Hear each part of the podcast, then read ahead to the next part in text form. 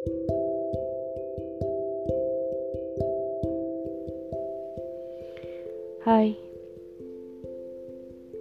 kali ini episode yang paling aku suka sih, karena ini bener-bener sensitif dan galau. Terus juga based on my true story dan ya aku buat ini karena saat itu aku ngerasa bener-bener jatuh dan jenuh.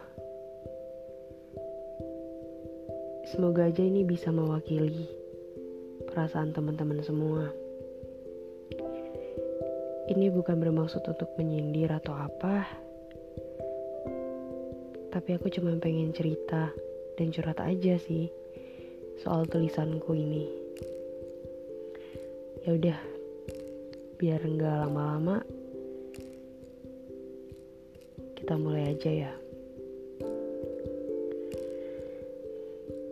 Sepertinya malam ini aku akan kembali bercerita perihal dia yang pernah hadir. Aku beri nama Usai. Layaknya kepompong yang berubah menjadi kupu-kupu, kini kita biarkan ia terbang tinggi. Padahal sudah kita rawat sepenuh hati.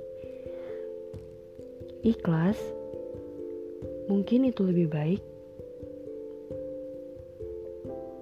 iya, benar ego kita yang menciptakan tumbuhan tertanam itu sendiri. Dengan ekspektasi kita yang terlalu berlebih. Padahal cinta masih berada dalam eksistensinya kok. Masih tetap indah. Tapi kita lupa di mana letak keindahannya. Karena di mata kita, ekspektasi itu lebih dari sekedar kata indah. Bicara tentang cinta,